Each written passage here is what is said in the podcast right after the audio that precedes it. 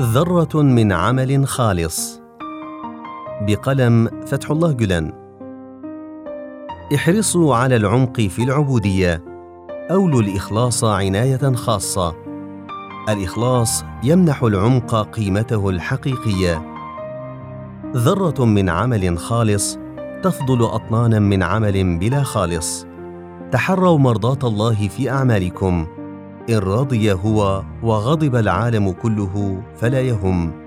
إن قبل هو ورفض العالم كله فلا ضير. إن رضي عنكم وقبل بكم واقتضت حكمته ذلك يوجه قلوب الناس إليكم بالقبول حتى وإن لم تطلبوا ذلك. لتكن غايتنا الأساس في هذه الخدمة المباركة تحقيق مرضاته سبحانه لا غير.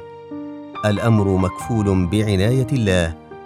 فعلينا بالجد والإتقان وعلينا بالإخلاص والتجرد.